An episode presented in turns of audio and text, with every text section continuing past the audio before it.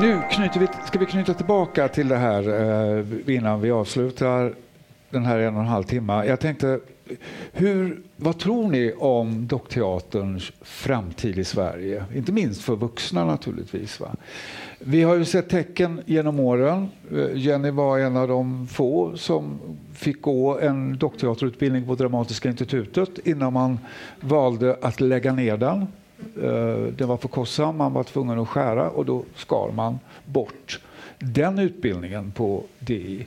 Så det finns ju dels vad finns det för utbildningsvägar och vad tror ni om framtiden överhuvudtaget inom Alltså vad det gäller utbildningsvägar så i Sverige är det knepigt. Då får man gå via Hantverksakademin, heter det väl, att man får söka sig som lärling och själv söka upp sina olika eh, arbetsplatser att få praktik på. Sådär. Men just det där sammantagna, då får man nog vända sig till Norge och Finland tror jag fortfarande har högskoleutbildningar för dockteater. Mm. Eller Frankrike. Eh, det är väl det närmaste. Mm. Ja, precis.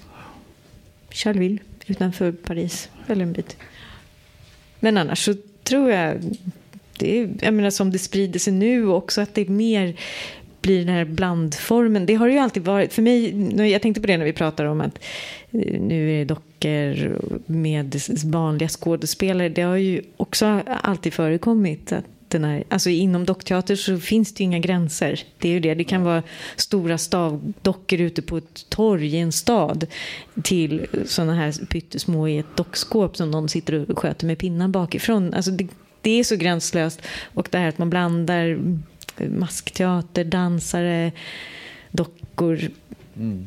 Det känns som att det alltid har funnits men just det, det som händer nu här i Sverige är väldigt kul att det händer nu. Det får en skjuts så jag bara hoppas att det fortsätter. Mm. Men det, alltså det är också, man kan ju se på Dockteatern som det liksom den där lilla, eh, lilla systern när det gäller tilldelning av resurser. Jag menar, vi ser eh, den dramatiska teatern och operan får eh, mängder av pengar. Och sen finns det en lilla syster till detta och det är dans, danskonsten som får då lite mindre i statliga, regionala och kommunala eh, anslag. Och sen så finns det en del fria grupper som får också lite pengar via Kulturrådet just som sysslar med dockteater och så. Så det är ju också att det är ett ganska resurssvagt eh, område när det gäller eh, pengar egentligen. Och det är väl eh, en ganska eh, trist eh, historia. Här måste man ju på något sätt, tror jag, eh, försöka påverka. Och vi, vi pratar ju väldigt ofta om att vi ska försöka påverka politiken politikerna, kulturpolitikerna. Det är de vi måste gå på. Men jag är, har blivit mer och mer med den här erfarenheten jag har idag att jag tror att, att det är viktigt att gå på kulturbyråkraterna. Det vill säga de som tjänstemännen som jobbar och ger underlag till politiker och deras beslut.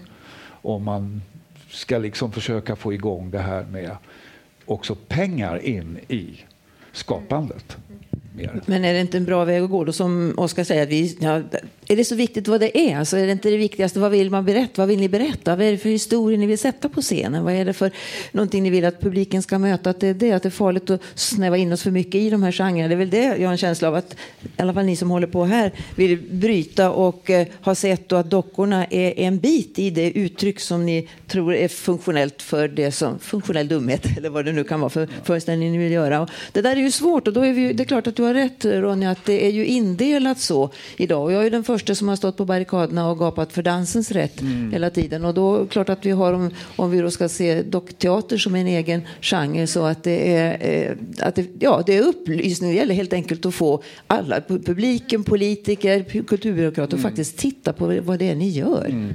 Det är liksom vägen till det. Ja. Det är en mödosam väg, men jag kan inte se att det finns någon annan för att man plötsligt skulle kräva större kvot i dockteater. Ja, det, det kanske man kan göra då när man har fått de stora massorna som kommer att se på föreställningarna. Mm. Får jag fråga, hur känns det dockteatern estetiskt, formmässigt? Hur ser utvecklingen och innehållsligt ut? Vad tror ni? Jag har nämligen ingen aning. Nej, jag, jag bara satt och tänkte på, det är viktigt att komma ihåg också att att eh, det hänger väldigt mycket ihop med resten av politiken. Alltså, och eh, vi går, alltså, det verkar ju som att vi går mot ganska dystra tider överlag. Så att jag tror att det hänger ihop med framtiden för en subventionerad eh, kultur och konst. Liksom. Men det kommer ju alltid överleva på ett eller annat sätt. Men det blir, liksom, kan jag känna, lite ointressant på ett sätt hur mycket dockteater det blir eller, eller inte. Alltså, som sagt, det är ju liksom mm. Om vi hittar något, att det finns behov för dockteater så gör vi dockteater. Annars blir, och så går det trender och moden och allting sådär. Men det finns en större fråga som är liksom Ja, där vi får se vad som händer. Men, men eh, ja, jag tror att det blir, som vi snackade om innan, där, kommer mer kanske robotar in i. Och det tror jag kommer nog eh, vara ett sånt där USP. Så det kan nog komma in i vanlig teater, liksom, robotteater. Då kommer det låta skit nyskapande. Ja, för nyskapande idag. är bra. ja. Jo, det är gjort och sådär, men det kommer ju, det för, robotarna blir ju billigare och billigare och lättare och lättare att programmera med appar och så här, så, att, så det kommer vi ju få se mer av och det kommer säkert, det kommer man inte gömma undan. Då kommer man bara ha pressbilder på robotar. ja, men jag, jag, är oerhört, jag, jag är oerhört positiv. Jag tror på en, en stark utveckling även när det gäller eh, dockor och så vidare. Därför att vi lever ju i en hybridvärld. Om vi tittar på det du sa Robert där. Idag ser ju scenkonsten ut på ett helt annat sätt än vad det gjorde för 25 år sedan. Här blandar vi film, objekt, dockor, sång, dans. Alltså scenkonsten ser helt annorlunda ut idag.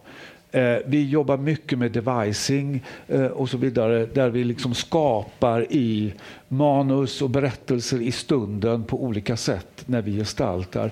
Så att ur den synpunkten så har jag, Eh, jag har, tror jag starkt på dockteatern, att den har en del i det. Men jag måste också, tror jag, på att samtidigt så måste varje konstart, de kan inte bara gå ihop och vara hybrider hela tiden eller eh, crossover och så är det bra med det. Man måste också få utveckla de olika formerna för att man ska ha någonting att ge i den lite bredare kontexten.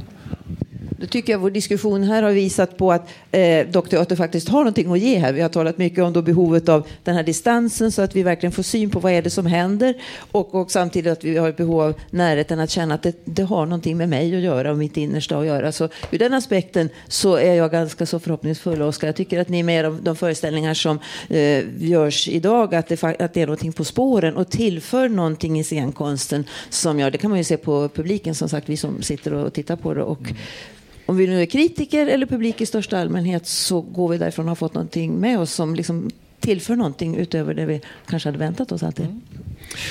Ja, det här samtalet kunde ha fortsatt mycket, mycket, mycket längre. Det känner vi. Otroligt spännande, givande, har satt igång väldigt många tankar. Eh, och förhoppningsvis ska inte det här sluta här, utan vi har ju fått en förfrågan från scenkonstbiennalen att fortsätta det här samtalet där nästa vår. Så det hoppas vi att det kan ske, om inte alla kan då den gången också.